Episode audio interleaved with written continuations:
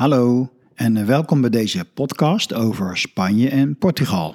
Mijn naam is Jeroen Bronkhorst en deze podcast wordt je aangeboden door de Wijnstudio. Een tip voor jou. Bij elke podcast over wijnstreken adviseer ik je een kaart erbij te houden waarop de wijnregio's staan. Nu we het over Spanje gaan hebben, raad ik je dat nog meer aan, want Spanje heeft heel veel wijnregio's en die zijn wijd verspreid. Als je geen kaart bij de hand kunt houden, bekijk dan de kaart vooraf of achteraf. Laat ik je om te beginnen vertellen hoe deze podcast is ingedeeld. We openen met de diverse klimaten van Spanje. Vervolgens bespreken we de belangrijkste druivenrassen. Dan komt de Spaanse wijnwetgeving ter sprake en de vermeldingen op de etiketten. Daarna trekken we de diverse regio's door en daarbij wordt de invloed van het klimaat op de wijnregio's duidelijk. Vervolgens komt Portugal aan bod. Ook hier bespreken we het klimaat, de wijnwetgeving, de wijngebieden, de belangrijkste druiven en de bijzonderheden van Portugese wijnen. Kortom, genoeg onderwerpen voor deze podcast. We starten met het Spaanse klimaat en de gevolgen daarvan voor de wijnbouw. Spanje is een heel groot wijnland. Het is zelfs het grootste land ter wereld als het gaat om het aantal hectares wijnbouw. Maar in productie is het nummer drie, na Italië en Frankrijk. Er is dus een lage opbrengst, gemiddeld 25 hectoliter per hectare, en dat is extreem laag in vergelijking met alle andere wijnlanden. De oorzaak van dat lage rendement is droogte er is gewoon niet veel water voorhanden. Dat maakt dat de wijnen over het algemeen krachtig zijn, wat ze heel geschikt maakt om te combineren met stevig smakende gerechten. En dat is er genoeg in Spanje. Denk maar aan Iberico de Bellota, uh, chorizo, olijven en al die ladingen knoflook door de gerechten. Het klimaat wordt beïnvloed door een aantal factoren. Een goede manier om dat te bekijken is: kijk naar het water. Wat ligt aan het water en wat ligt er ver van af? In het noordwesten brengt de Atlantische Oceaan regen, vocht en verkoeling. In het oosten heerst een mediterraan klimaat, dat wil zeggen warme zomers en zachte winters. Naarmate je zuidelijker gaat, wordt het steeds warmer. In het midden van het land is de Spaanse hoogvlakte ver weg van de zeeën. En dat heeft een streng continentaal klimaat met zeer hete zomers en vorst in de winter. En de grote verschillen tussen dag- en nachttemperatuur in de zomer geeft wel de nodige verkoeling aan de druiven, die daardoor langzamer rijpen, hun zuren behouden en meer aroma's ontwikkelen. In de zuidelijkste punt van Spanje komt soms de Levante binnenzetten, de hete wind uit de Sahara. Houd deze klimaatinvloeden in je achterhoofd erbij, dan is het makkelijker om de verschillende wijnstreken en hun wijnen te begrijpen en te onthouden. We komen ze weer tegen als we de verschillende gebieden en wijnen bespreken. Spanje heeft een aantal bekende inheemse druivenrassen, maar internationale druivenrassen zijn ook belangrijk, vooral in het noordoosten van Spanje. We spreken van internationale druiven, maar we kennen die eigenlijk allemaal als Franse druiven en ze liggen eigenlijk ook erg voor de hand. Wat zou jij verwachten? Dat is een vraag aan jou. Welke witte Franse druiven doen het goed in Spanje? Ik denk dat je het goed geraden hebt. Dat is Chardonnay en Sauvignon Blanc. Daarnaast spreekt de WCT van eh, aromatische druivenrassen en daarmee wordt voornamelijk Gewürztraminer bedoeld. Voor blauwe druiven geldt dezelfde logica, dus opnieuw de vraag aan jou: welke rassen verwacht je internationaal? Als je gewoon het eerste zegt wat je te binnen schiet, krijg je gelijk. Het zijn de meest geteelde blauwe druiven wereldwijd: Cabernet Sauvignon en Merlot. Natuurlijk helpen deze internationale druivenrassen mee om wijnen op een beter niveau te brengen en het maakt de wijnen beter herkenbaar voor de consument. Maar tegelijkertijd is het eh, voorspelbaar en saai. Uit welke land je ook een wijn drinkt, je komt telkens dezelfde naam op het etiket tegen. Het lijkt wel uh, Nederlandse televisie met avond aan avond dezelfde BN'ers op je scherm. De belangstelling in inheemse druivenrassen neemt dus toe. En welke zijn dat? Wat is het meest aangeplante witte druivenras in Spanje dat tot voor kort ook de meest geteelde druif ter wereld was. Nou, de meeste mensen hebben er nog nooit van gehoord. Het is de Ayren, een druif met uh, nauwelijks enig karakter. Ayren staat in La Mancha, in het midden van Spanje, op de Spaanse hoogvlakte. La Mancha is de streek van Don Quixote, die in zijn eentje tegen windmolens vocht. Het heeft een uh, vreselijk onwelkom klimaat en mensen die er wonen zeggen nueve meses de invierno, tres de infierno. Ofwel, negen maanden winter, drie maanden hel. Dat maakt het aardig duidelijk, denk ik. Gelukkig zijn er ook uh, andere witte inheemse druivenrassen en die zijn een stuk interessanter. Om te beginnen de Verdecho. En ik denk dat heel veel mensen die wel kennen. Het is echt zo'n terraswijn. De druif heet Verdecho en de wijn heet ook Verdecho.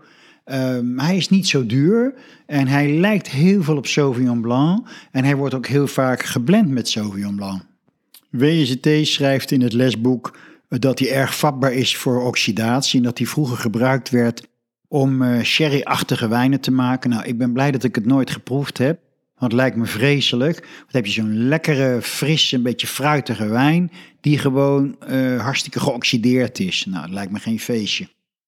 Verdejo is de benchmarkwijn van de Rueda. En dat ligt ten noordwesten van Madrid. In het echte noordwesten van Spanje, aan de Atlantische Oceaan, ligt Rias Baixas, net boven Portugal. En die streek staat bekend om zijn Albarino. Albarino heeft een eh, dikke schil en dat is een groot voordeel, want daardoor kan die beter schimmelziektes weerstaan. En in dat vochtige klimaat, daar heb je dat wel nodig. Hij heeft een goede balans van frisse zuren en een volle body. En je komt hem steeds vaker in de Nederlandse horeca tegen, terecht wat mij betreft. Nog een druif die steeds bekender begint te worden is de Viura, die ook wel uh, Macabeo genoemd wordt. En dat is de witte druif van Rioja. Vroeger werden hier hele matige wijnen van gemaakt. En hij wordt nog steeds vaak voor blends gebruikt. Maar tegenwoordig kun je er ook wel een mooie wijn van vinden. En het geheim daarvan is heel simpel: lage rendementen. Je ziet dat ook met de Pinot Grigio. Zo'n Pinot Grigio uit Italië kan vaak vreselijk flauw zijn en is ook spotgoedkoop. Maar uit Alto Adige kan je weer hele mooie krijgen. Of een Grauburgunder uit Duitsland, wat dus ook een Pinot Grigio is, kan uh, houtgelagerd zijn en uitstekend smaken. Als we naar blauwe druiven kijken, dan zijn er duidelijk tweede baas. Zou je ze weten te noemen? De belangrijkste blauwe druiven van Spanje. En wat wordt gezien als de hoogste kwaliteit druif?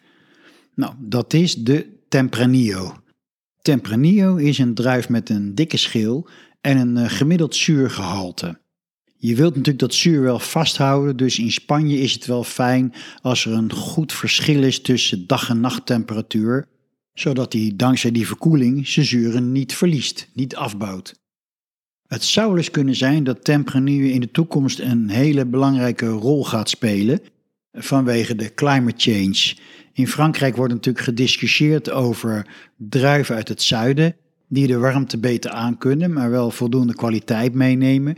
En zeer waarschijnlijk komt Tempranillo daarvoor in aanmerking. En de andere belangrijke druif is natuurlijk de Garnacha, die in Frankrijk Grenache genoemd wordt. Ook die druif was vroeger de meest geteelde blauwe druif in de wereld. Dat is natuurlijk een druif die enorm goed tegen hitte kan. Een druif die op veel plaatsen verwijderd was of verwaarloosd was, is de Carignana. In Rioja heet die Mazzuelo en in Frankrijk heet die Carignan. Die geeft veel zuur, tannine en kleur. En juist die verwaarloosde oude stokken blijken enorme kwaliteit te hebben. Nog een bekende blauwe druif in Spanje, die ook heel goed tegen hitte kan, is de Monastrel, die in Frankrijk Mourvèdre genoemd wordt. Hij geeft veel kleur, volle body, hoge tannine, veel alcohol. Hij heeft van alles wat, alleen niet zo heel veel zuren. En hij wordt ook vaak gebruikt voor zoete wijnen in Spanje. Als je die laatste drie druiven op een rijtje zet, de Garnacha, de Carignana en de Monastrel, dan spreek je over de meest hitteminnende druiven van de wereld. Een iets minder bekende druif die wel steeds meer in de belangstelling komt, is de Mencia. Het is een druif die iets weggeeft van Cabernet Franc en Pinot Noir. Het is gewoon een druif die verfijning oplevert. En de laatste blauwe druif die ik nu zou willen noemen is de Graciano. Dat is een beetje een lastige druif om te telen. Je komt hem vooral in Rioja tegen. En die geeft eh, ook lekker zwart fruit en zuur en tannine. Hiermee zijn de belangrijkste druiven van Spanje op een rijtje gezet. We gaan straks kijken waar ze staan en wat voor wijnen ervan gemaakt worden. Maar voordat we de wijnregio's ingaan, gaan we eerst eens kijken naar de Spaanse wijnwetgeving. De Spaanse benaming voor eh, kwaliteitswijn is DO, oftewel Denominación de Origen. Dat is in principe hetzelfde systeem als een AOP. Dus de wijn moet voldoen aan bepaalde minimum kwaliteitseisen, zoals de gebruikte druivenrassen, hoe je de wijngaard beheert en de locatie die afgebakend is. En dan is er nog iets bijzonders in Spanje, en het is de Denominación de Origen Calificada, oftewel DOCA. En blijkbaar staan die kwaliteitswijnen op zo eenzame hoogte uh, dat er maar twee van zijn. Uh, dat is Rioja en Priorat. Als er ooit nog een derde bij komt, dan zal dat zonder twijfel Ribera del Duero zijn. En wat opvalt als je naar deze drie gebieden kijkt, ze liggen alle drie in het noorden van Spanje. En dat laat zien wat je wel vaker ziet, dat daar waar de druif wat langzamer rijpt, uh, meer moeite heeft om te rijpen, dat daar toch de mooiste wijnen vandaan komen. En er zijn nog meer aanduidingen zoals Vinos de Pago of VP. Dat zijn individuele domeinen met een hele hoge reputatie. Ze mogen alleen hun eigen druiven gebruiken en ze moeten op het domein zelf uh, gemaakt worden, gefinifieerd worden en gerijpt worden. En dat is wel interessant uh, aan die Vinos de Pago. Ze zijn ontstaan aan de randgebieden van La Mancha, wat eigenlijk uh, de regio is van de allergekoopste wijnen van Spanje. En één tree onder die kwaliteitswijnen liggen de IGP-wijnen. Die worden daar vaak nog op de traditionele manier genoemd Vino de la Tierra, ofwel landwijn.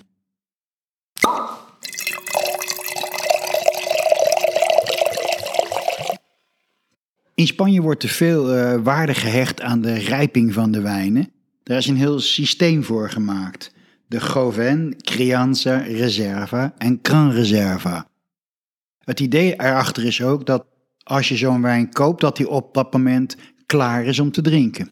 Dit systeem is gebaseerd op rijping op hout en rijping op fles. En ik heb een simpel maniertje bedacht om dat makkelijk te onthouden. Tenminste, ik gebruik dat zelf altijd zo. Ten eerste voor Goven, daar hoef je helemaal niks voor te onthouden. Want in principe hoeft hij geen rijping gehad te hebben, nog van hout, nog van een fles. Het mag, maar het hoeft niet. En meestal heeft hij dat niet, want het is bedoeld om als een hele jonge wijn te drinken, want dat betekent Goven, jong. En dan voor de Crianza Reserva en Gran Reserva onthoud ik altijd het volgende rijtje. Houtrijping, 6, 12, 18. Oftewel een half jaar, een heel jaar, anderhalf jaar rijping. En dan weer voor de flesrijping 2 jaar, 3 jaar, 5 jaar.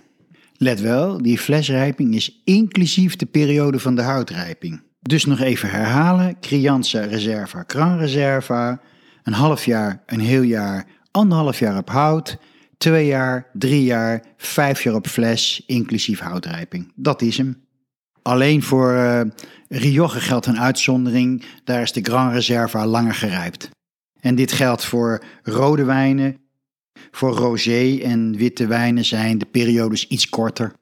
Nu weet je de belangrijkste zaken van de wijnwetgeving en zou je een etiket kunnen lezen, maar misschien is het ook wel aardig om een paar termen te noemen die ook op het etiket staan, zodat je die begrijpt.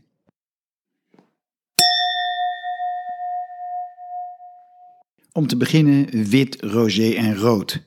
Blanco, rosado, tinto. Op het backlabel zie je vaak het woord barrica staan. En dat is eigenlijk net als het Franse barrique uit de Bordeaux. Het betekent gewoon een houten vat. Dus die wijn is op hout gelagerd. En dan lees je het woord roble. En dat betekent eik. Dus het is op eikenhout gelagerd. Want er zijn ook een heleboel andere houtsoorten waar je op kunt lageren. En dat gebeurt ook wel. Een bodega is geen kroeg of een bar, zoals heel veel mensen denken. Het is een wijnmakerij. Cosecha is het Spaanse woord voor wijnjaar, oogstjaar. En een ander woord daarvoor is vendimia. Crianza betekent oudere, rijpe. De zoetheid van de wijn is in duidelijke regels vastgelegd. Secco betekent droog en dat zijn wijnen met een restsuikergehalte van minder dan 5 gram per liter. Daarna krijg je semi-secco en semi-dulce om te eindigen bij dulce. Dat zijn wijnen met 50 gram restsuiker per liter of meer. Op een fles zie je ook embotellado staan. Dat betekent gewoon gebotteld, in de fles gedaan. En daarmee hebben we de meest voorkomende term op een etiket wel behandeld. Ik denk dat je nu redelijk in staat bent om een Spaans wijnetiket te lezen. En nu wordt het tijd om de Spaanse wijngebieden in te trekken.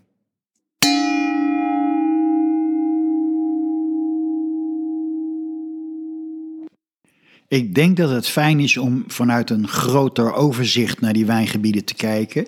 En onthoud daarbij wat ik al verteld heb over de verschillende klimaatgebieden.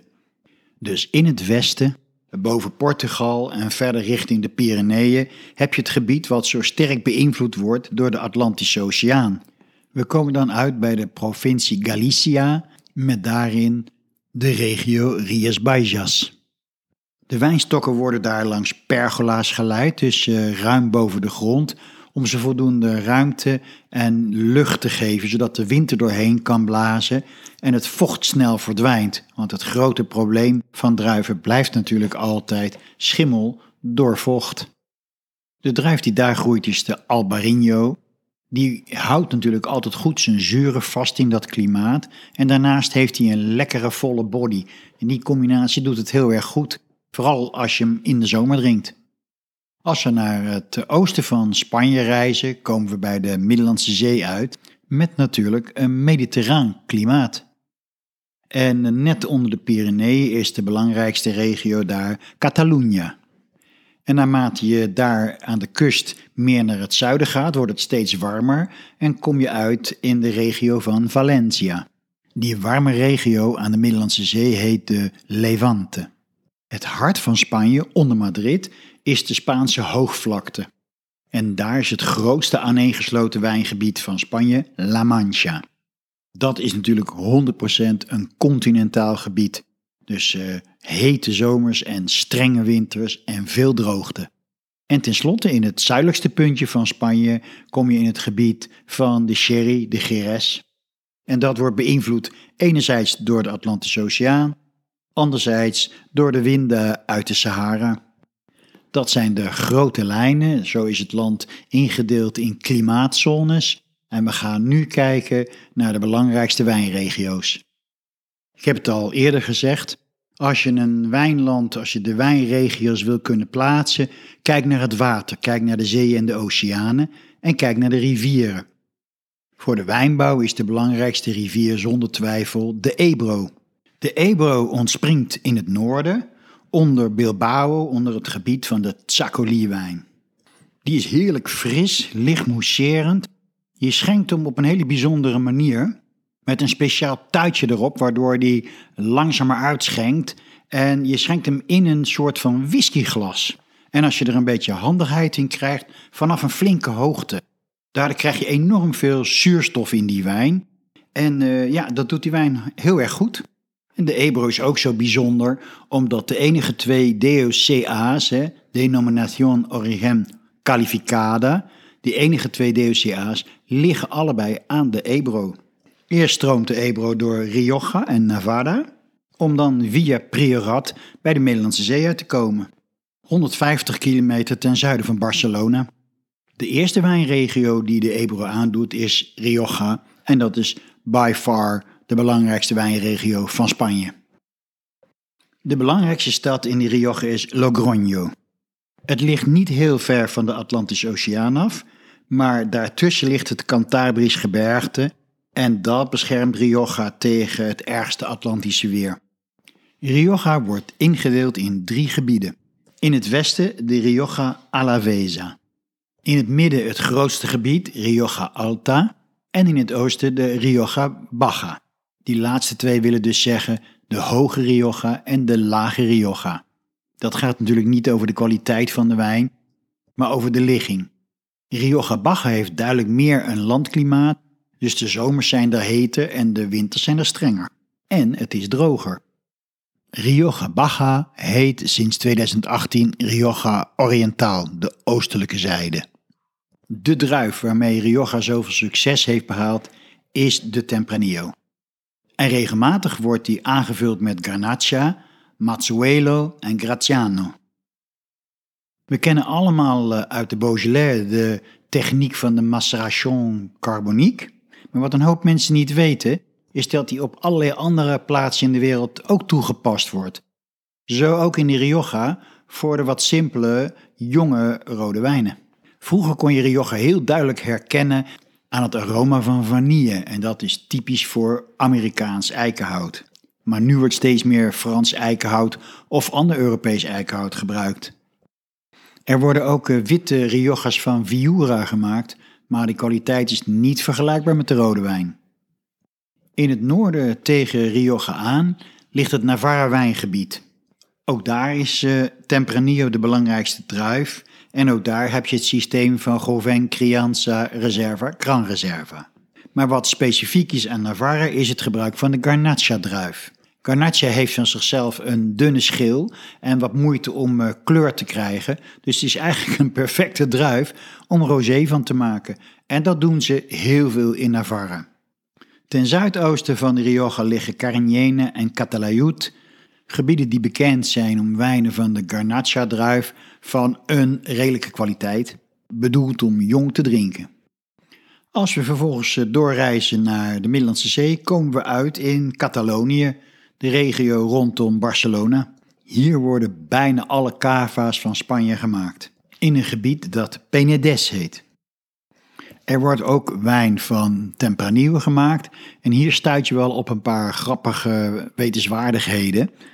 Tempranillo heeft namelijk ontzettend veel bijnamen, afhankelijk van waar die staat. Zo wordt hij in Ribera del Duero Tinta del País genoemd.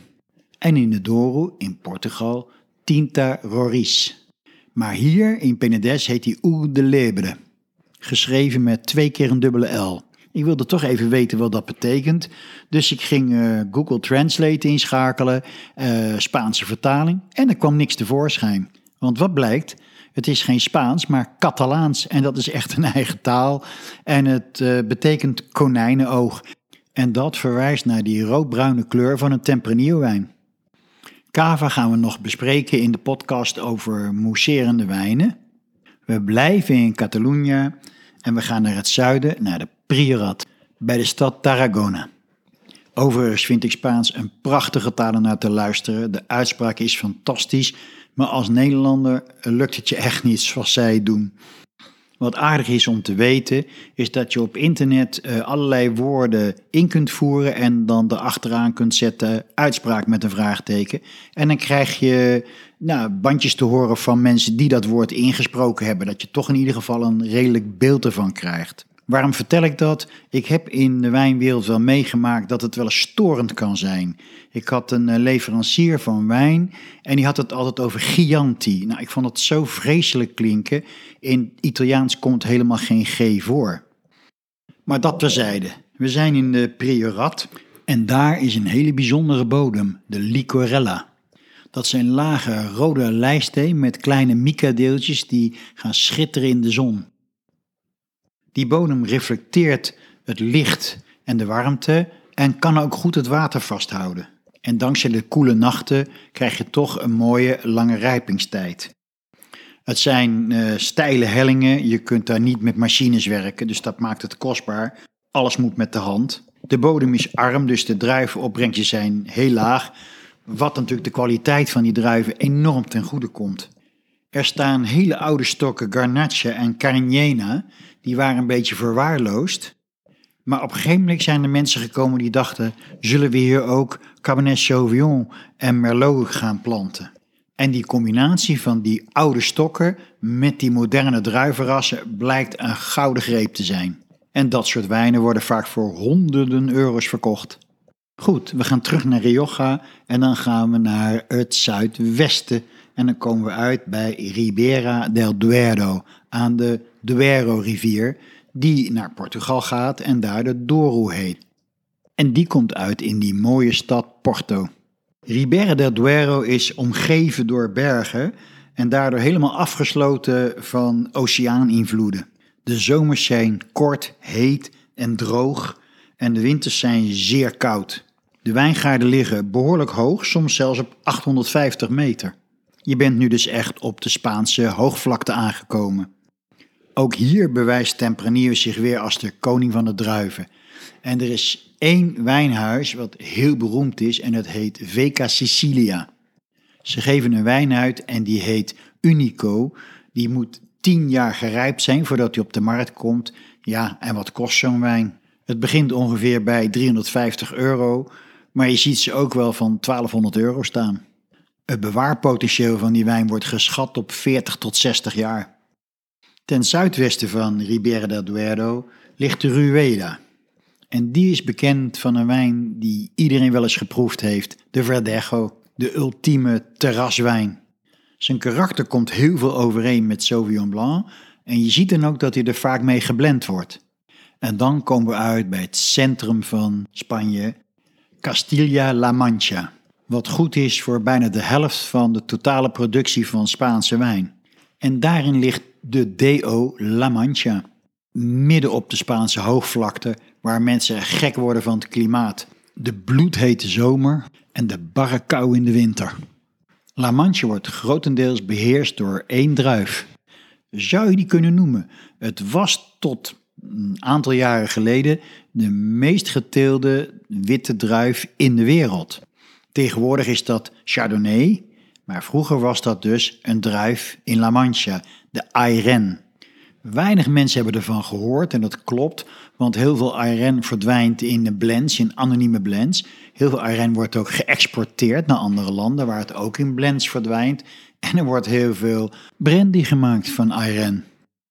Het is fascinerend om te zien hoe de druiven daar geplant zijn. Ze staan heel ver uit elkaar en ze worden heel laag gesnoeid. En dat alles heeft natuurlijk maar één reden en dat is gebrek aan water. De druivenstokken mogen beslist niet met elkaar concurreren en ieder druppeltje water is nodig, ook voor het transport in de druif. Dus je wilt die druivenstokken zo laag mogelijk houden. Op dezelfde hoogte als La Mancha, maar dan aan de Middellandse Zee, ligt Valencia. Daar is de monastreldruif dominant. Maar er staat ook veel Muscat d'Alexandrië.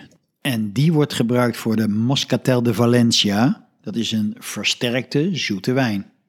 Er blijft nog één belangrijk gebied over en dat is Geres, helemaal in het uiterste zuiden, vlak bij Marokko. Dat is natuurlijk het beroemde gebied van de sherry, maar dat gaan we in de podcast over versterkte wijnen bespreken. Er zijn ruim 60 DO's in Spanje, gebieden van kwaliteitswijnen. Dus een heleboel hebben we nog niet eens behandeld, maar dit waren wel de belangrijkste. En ik hoop dat er niet een eh, Spanjaard onder de luisteraars zit die denkt van ja, maar mijn wijngebied wordt niet genoemd en dat is ook zo mooi, want waarschijnlijk is dat ook zo. En hiermee zijn we dus aan het einde gekomen van de podcast over Spanje. En wat hebben we besproken? Om te beginnen de diverse klimaten van Spanje. Vervolgens de belangrijkste druivenrassen. De Spaanse wijnwetgeving. Hoe je etiketten kunt lezen. En dan de verschillende regio's en de druiven en de wijnen die daarbij horen. Ik hoop dat je er weer plezier van hebt gehad. Ik hoop dat het allemaal duidelijk voor je was. Hierna gaat deze podcast door met een heel eh, voor de hand liggend onderwerp. Dat is natuurlijk Portugal.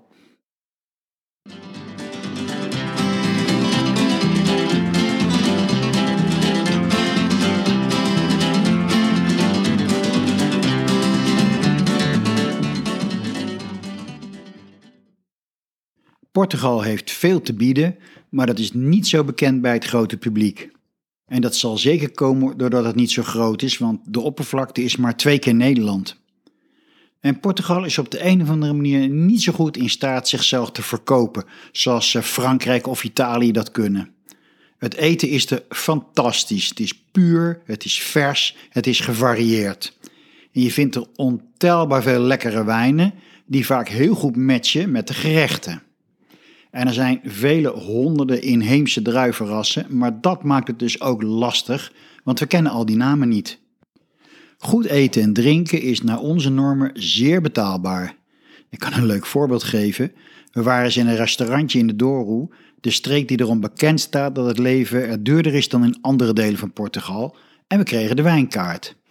Die was heel praktisch in twee groepen ingedeeld: goedkope en dure wijnen. We konden kiezen uit 30 goedkope wijnen van 6 euro en 30 dure wijnen van 9 euro. Let wel, die prijs was niet per glas, maar per fles. Kon dat in Nederland ook maar. Hoe is deze podcast over Portugal opgebouwd? We beginnen met een eh, korte beschrijving van het klimaat en de globale indeling van de wijngebieden. Daarna komt de wijnwetgeving en etikettering aan bod. Dan trekken we de wijngebieden in met al hun verschillende druivenrassen. En we eindigen met informatie over de kurkijk en de kurkproductie. Dat laatste is een extra stukje, staat niet in het lesboek van WCT, maar ik vind het toch wel heel leuk om te vermelden. Het is een wezenlijk deel van Portugal en eh, heel veel wijnflessen worden met een kurk afgesloten.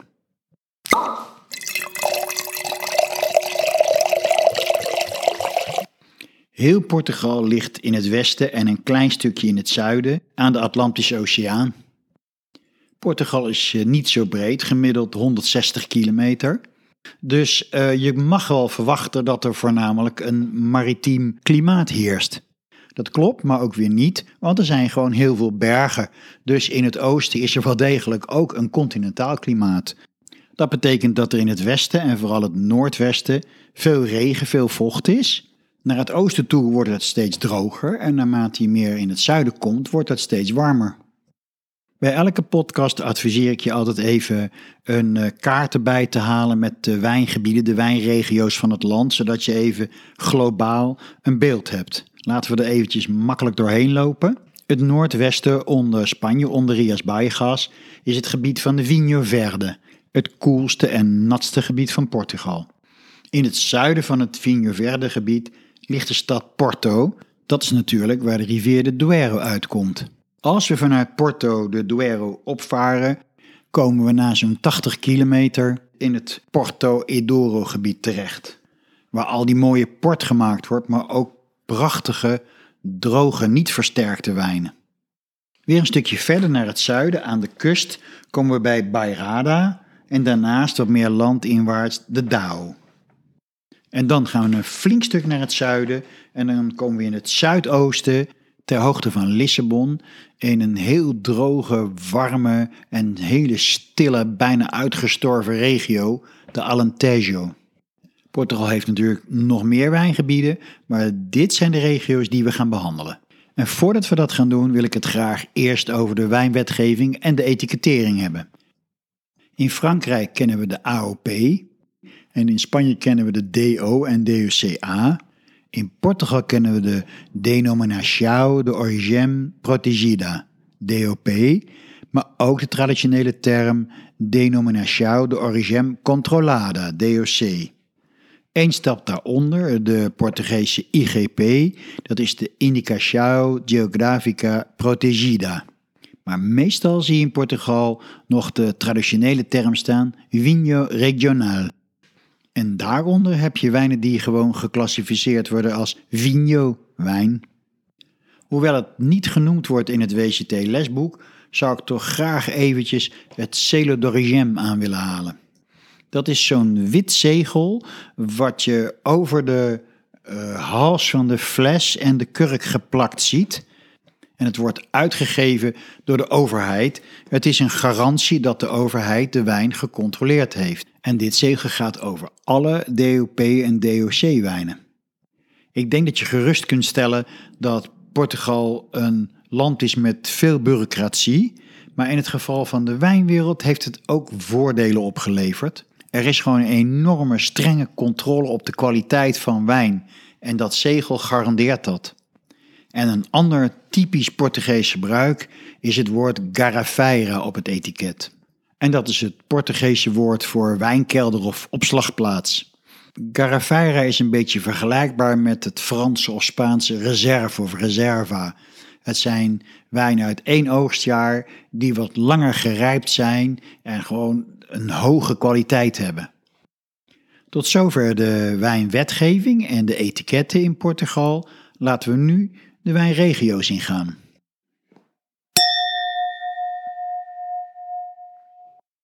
We starten in het noordwesten bij de Atlantische Oceaan in het gebied van de Vinho Verde. Er valt heel veel regen en daarom zie je veel pergola-systemen, waarbij de druiven dus een flink stuk van de bodem afstaan en er veel lucht onderdoor kan, waardoor de wind die uh, regen en dat vocht weer weg kan blazen.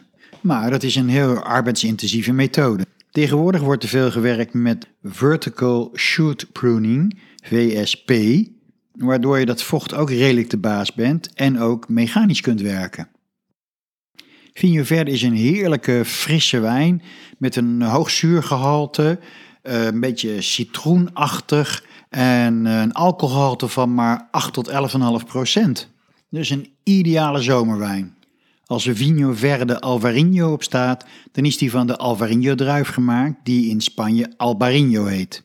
En anders wordt meestal de Loreiro en de Arinto gebruikt. Overigens wordt er ook heel veel rode Vigno Verde gemaakt. Vigno Verde betekent gewoon jonge wijn, maar die wordt niet veel in Nederland verkocht, want wij vinden dat niet lekker met zijn hoge zuren en veel tannine. In het zuiden van het Vigno Verde gebied ligt de stad Porto en ik vind dat je daar echt een keertje moet gaan kijken. Een superleuke, gezellige stad met een hele bijzondere brug. Want als je ernaar kijkt, dan is het net alsof de Eiffeltoren op zijn zijkant ligt. En het klopt ook, want die brug is ook ontworpen door meneer Eiffel. Je ziet duidelijk zijn signatuur. In Porto, aan de overkant van de rivier, ligt het plaatsje Vila Nova de Gaia. Daar zitten de shippers, de wijnhuizen. En daar liggen al die vaten met port opgeslagen. Het is zeker de moeite waard om er eens een paar te bezoeken.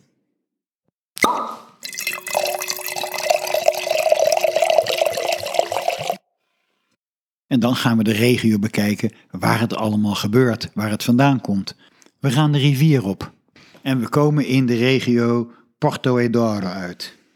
Van west naar oost vind je hier de Baixo Corgo met als hoofdplaats Regua, de Simagorgo met als hoofdstad Pinhao, waar de meeste portwijnen vandaan komen, en de Douro Superior. Dat laatste gebied loopt tot aan de Spaanse grens en je kunt je voorstellen dat het klimaat hier nu echt continentaal is geworden, met vooral flink hete zomers. Er worden in het Douro-gebied honderden druiven gebruikt en een heleboel kennen wij gewoon niet. En de grap is dat een heleboel wijnmakers zelf ook niet altijd precies weten welke druiven in hun wijngaard staan. Maar een paar zijn heel bekend en beroemd en de allerbelangrijkste is de Torica Nacional. Die geeft een lage opbrengst, heeft intense kleur en smaak en flink tannine samen met kruidigheid en zwart fruit, met name bramen. Verder kun je de druiven en de Douro indelen in twee families, de Torica's en de Tinta's. Torica Nacional, Torica Franca, Tinta Roriz, oftewel Tempranillo, Tinta Barocca en Tinta Chao. En zo zijn er nog tientallen meer. Behalve die versterkte zoete port worden er ook steeds meer droge, onversterkte wijnen gemaakt. En ik moet zeggen, die kunnen fantastisch smaken.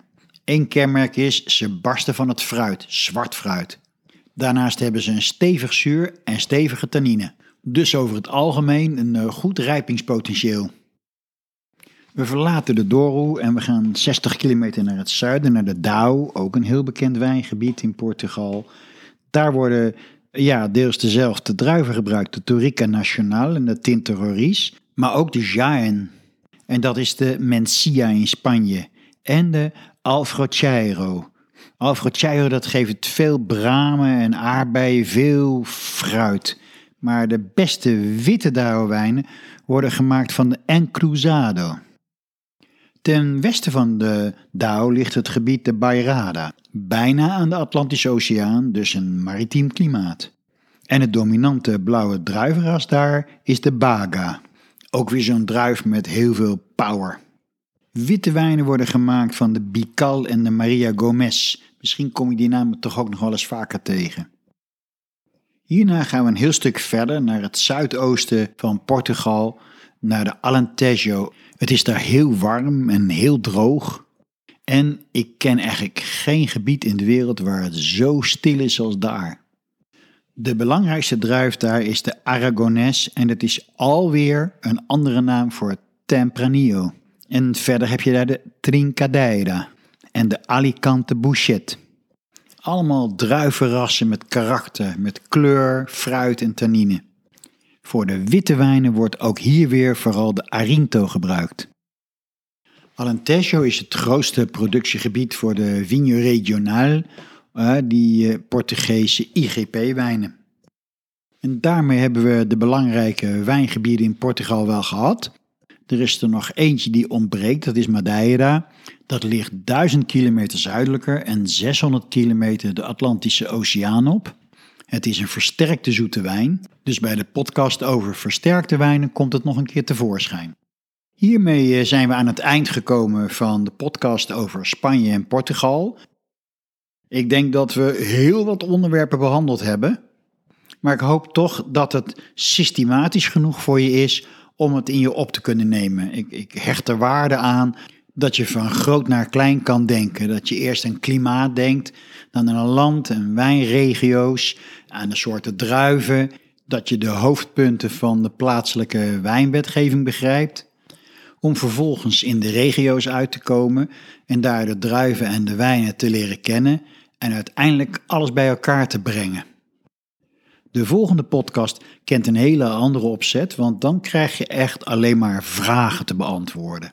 Ik ga je een heleboel vragen stellen, daar krijg je telkens wat tijd voor en het gaat allemaal over de onderwerpen van de voorgaande podcasts. En dat wil zeggen viticultuur, vinificatie, proeven, Bourgogne, Bordeaux, Rhône, Languedoc-Roussillon en Provence, Spanje en Portugal.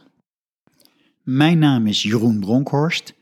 Deze podcast wordt je aangeboden door de Wijnstudio. En het zou fijn zijn als jij er de volgende podcast weer bij bent.